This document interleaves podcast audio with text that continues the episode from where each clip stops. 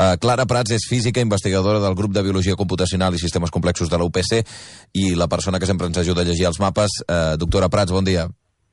Hola, bon dia a tothom. Si ens mirem què és el que va passar fa 15 dies a Portugal, que va haver unes eleccions en una situació pandèmica molt, molt delicada, probablement molt pitjor que la que estem ara nosaltres a, a Catalunya, eh, això m'ho dirà, diràs tu, um, què és el que ha passat o què és el que heu vist 15 dies després eh, per, per veure quin, quin efecte pot haver tingut el, el, el fet de les eleccions en si?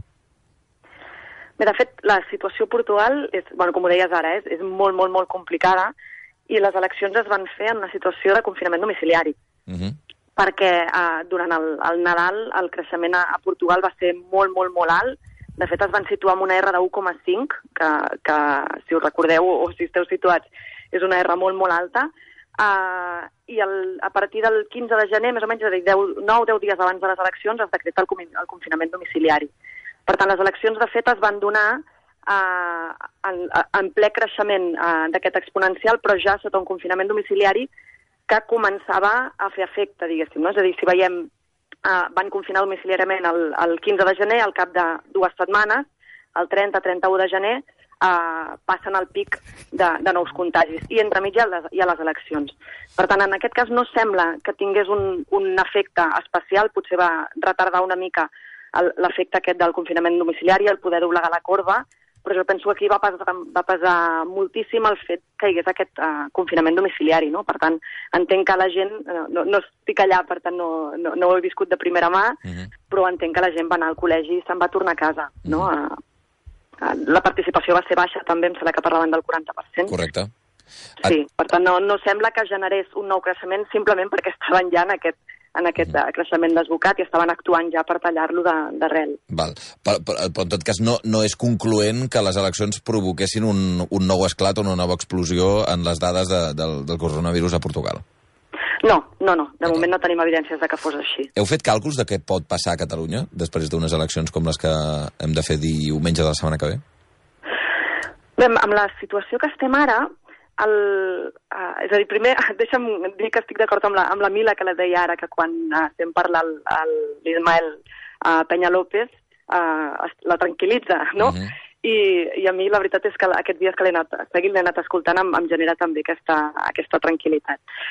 Jo crec que s'està fent un esforç, és a dir, les eleccions s'han de celebrar, no hi ha volta de full, per tant, el que hem de fer és posar el, el, el màxim que puguem, tots els mitjans que puguem, perquè siguin el més segures possibles.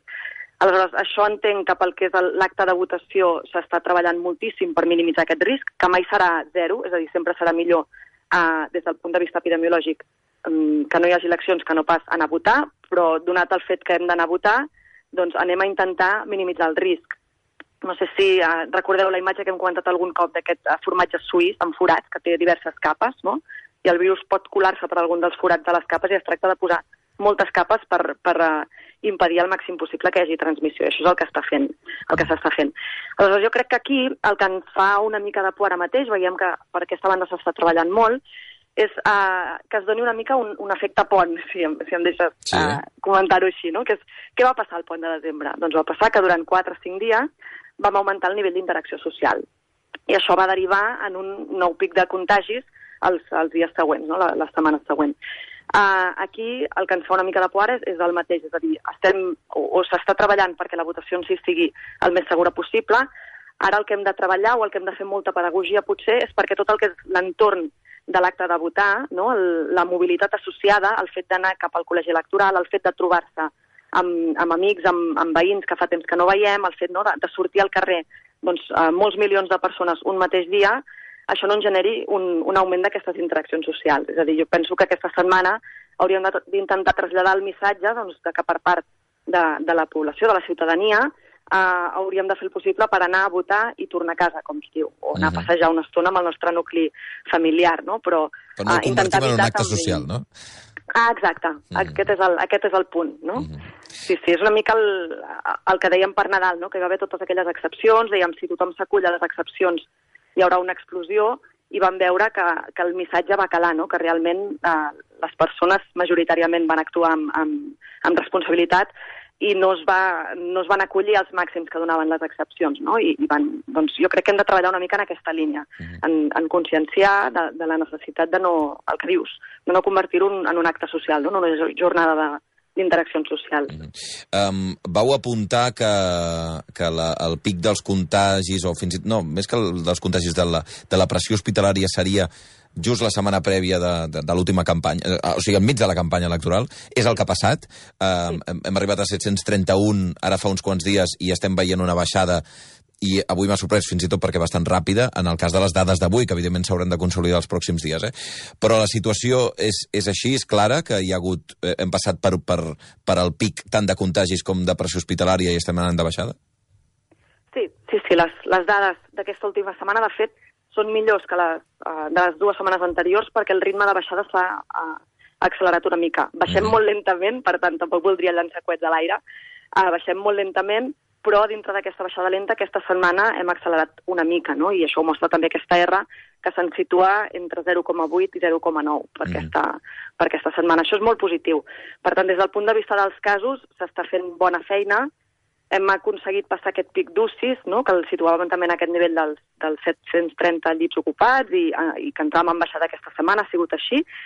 I ara el, el que hem de... estem una mica a la meitat de la baixada. No? Vam tenir un...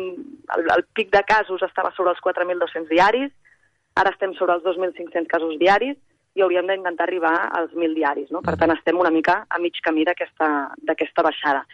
Ara bé, el, que, el punt que preocupa és aquest de les UCIs, no? que estem a, a tot i haver passat el pic, tot i haver començat la baixada, és un nivell molt alt encara, no? Estem parlant de 680 persones a la UCI, quan el, el sostre per no desprogramar el teníem en 600. Per tant, hem de fer un esforç molt gran per mantenir el ritme de baixada durant moltes setmanes per aconseguir buidar aquestes UCI. No? I és en aquest context, de fet, en el que ens fa, el que ens fa por que les eleccions generin un, un pic de, de contagis. No? Pel, sobretot és pel tema de les UCIs. Aquí hi ha una altra, i, i amb això volia acabar, eh, Clara, que és la, una altra qüestió que, que segur que esteu pendents, que és la incidència de la variant britànica. No? Um, sí. Ara mateix, mirant les dades dels tests d'antígens, que és allò que, que ens heu ensenyat, que és, que és la cosa més, més immediata, no? que, són, que, sí. que, que normalment les de les PCRs doncs, doncs són dades que s'han d'anar calibrant durant tres dies i que, per tant, la foto d'avui és la de fa tres dies i, en realitat, el contagi és de fa més, però el, el test d'antígens és molt, molt, molt immediat. Heu vist alguna cosa estranya? Perquè ahir sabíem que la consellera deia que calculen que l'entorn del 17% dels contagis eh, s'estan produint ja amb la variant britànica, perquè, per tant, s'està imposant molt ràpidament. Heu notat alguna cosa amb els tests d'antígens? A nivell poblacional, de dades globals, eh, no es nota encara. Sí que es nota, per exemple, a la Garrotxa, on, on sí que hi ha hagut, han passat unes setmanes francament complicades, just ara sembla que comencen a frenar aquest augment de contagis, i allà la, aquesta prevalença de la variant britànica és, és bastant més alta, no? i per tant sí que sembla que estaria relacionat amb, aquesta, uh, amb aquest creixement molt més ràpid. A nivell poblacional de, de Catalunya encara no es veu, cal també uh, uh, recordar no, que les mesures per frenar un, una i variant i l'altra són les mateixes, no? que és el, les mans, la mascareta, la distància, no donar-li al virus la finestra perquè contagi, perquè si tu li dones la finestra, el que sabem és que és molt més contagiós que la, que la variant antiga, que de fet, si m'ho deixes comentar, a Portugal aquest va ser el problema, que per Nadal no hi va haver uh, restriccions uh, massa dures, es va permetre mobilitat, es van permetre trobar familiars, i va ser just el moment en què va arribar la variant britànica, i per tant es va trobar una finestra d'oportunitat perfecta doncs, per proliferar i per, i per transmetre's molt més que la variant antiga. No? Aleshores, aquí el que hem de veure és totes les mesures que estem prenent ara les hem de portar una mica a l'extrem, és a dir, fer aquestes llesques del formatge mm, suís sí. el, més gruixut, el més gruixudes possible, um, perquè realment les mesures són les mateixes, no? I, i si les anem reforçant uh, les, anem, les anem fent molt ben fetes, totes aquestes mesures. Tot això ajudarà a endarrerir aquest efecte poblacional de la variant britànica. No? Clar, però, perdona'm, uh, eh, Clara, eh, amb el que has dit que la prevalença de la variant britànica a la Garrotxa, que estan passant per situacions delicades, eh, és més alta, vol dir que és un bon mirall per veure la resta del país el que pot passar. Sí, sí, absolutament cert, i per això estem bastant a, a l'expectativa de veure què passa, no? Uh mhm. -huh. Però és, uh, diguéssim, el, mm, sóc una mica prudent al, al dir exactament què passarà, no?, al, al, sí. al treure aquesta bola de vidre, perquè uh, depèn molt d'aquest nivell de, de mesures que hi hagi o del, del comportament. És a dir, si agafem un domicili, Sí. uh, on, uh, evidentment, no hi, ha, no hi ha mascareta, no hi ha distàncies, no hi ha ventilació probablement suficient. El fet que entri el, la variant antiga o la variant nova al domicili, doncs el, la persona, el nombre de persones contagiades canviarà molt. No? Això ho explicava, em sembla que era el, el responsable de l'àrea bàsica de salut de la Garrotxa, no? Sí. que s'havien trobat doncs, que en aquests entorns, eh, per exemple, a domicilis o en escoles o en altres entorns, eh, de cop apareixien més casos dels habituals, no? I, eh, perquè en el moment en què troba la finestra doncs es, es transmet molt més. Per tant, en quan entra al domicili eh, no hi ha volta de full no? I, i la, la propagació és molt més alta. Correcte. Aleshores, el que hem de fer és intentar actuar perquè fora del domicili eh, el, el tallem eh, com abans millor no? i no arribi a entrar a dintre de les cases que no hi ha aquestes, aquestes mesures. No? Per tant, a fora, tot el que sigui mascareta, distància, ventilació, eh, higiene de mans, tot això doncs, portat molt l'extrem per frenar-lo tant com puguem, per una banda, i després estar molt atents per reaccionar com abans millor, mm. perquè estem baixant, però estem baixant a un ritme molt lent, per tant, qualsevol augment de contagis derivat de que aquesta variant britànica ha trobat com aquesta finestra d'oportunitat, no? el lloc per on escapar-se, eh, això ens portarà o ens portaria a un creixement ràpidament, no? I, i amb unes UCIs plenes doncs, els efectes poden ser devastadors. Per tant, jo penso que hem de seguir molt de prop les dades i reaccionar ràpidament en el cas que veiem que alguna cosa s'està torçant. Acabo amb la, amb la pregunta que segurament em diràs que ho esteu estudiant, perquè això encara és, mo, és molt prematur, però ara apuntaves que el, un dels responsables de salut a la Garrotxa eh, parlava dels, dels contagis que s'han produït a casa, que s'han produït també a l'escola. Um, creieu que pot estar passant alguna cosa amb les escoles arran del, de la variant britànica, um, que hi hagin més contagis, o això encara és prematur dir-ho? És, nosaltres no tenim les dades al, al detall, per Sí. tant, eh, no, no sabem, tampoc coneixem de primera mà aquesta situació de la Garrotxa, jo parlo del, del que llegia i d'aquest responsable. Sí. Uh, el que és cert és que és, és una, soca més, perdó, una variant més transmissible i ho és a tots els nivells. Ho és a, a les escoles, ho és als domicilis, ho és als llocs de feina, per tant, és a tot arreu.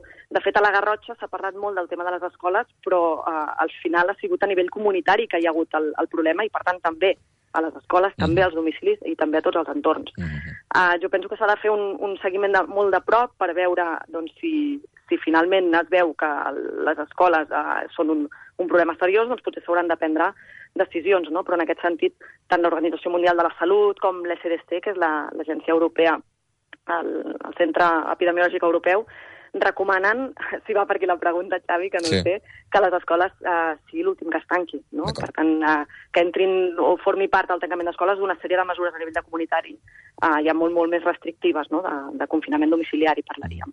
Doctora Prats, com sempre, un plaer. Moltes gràcies. Moltes gràcies a vosaltres. Gràcies.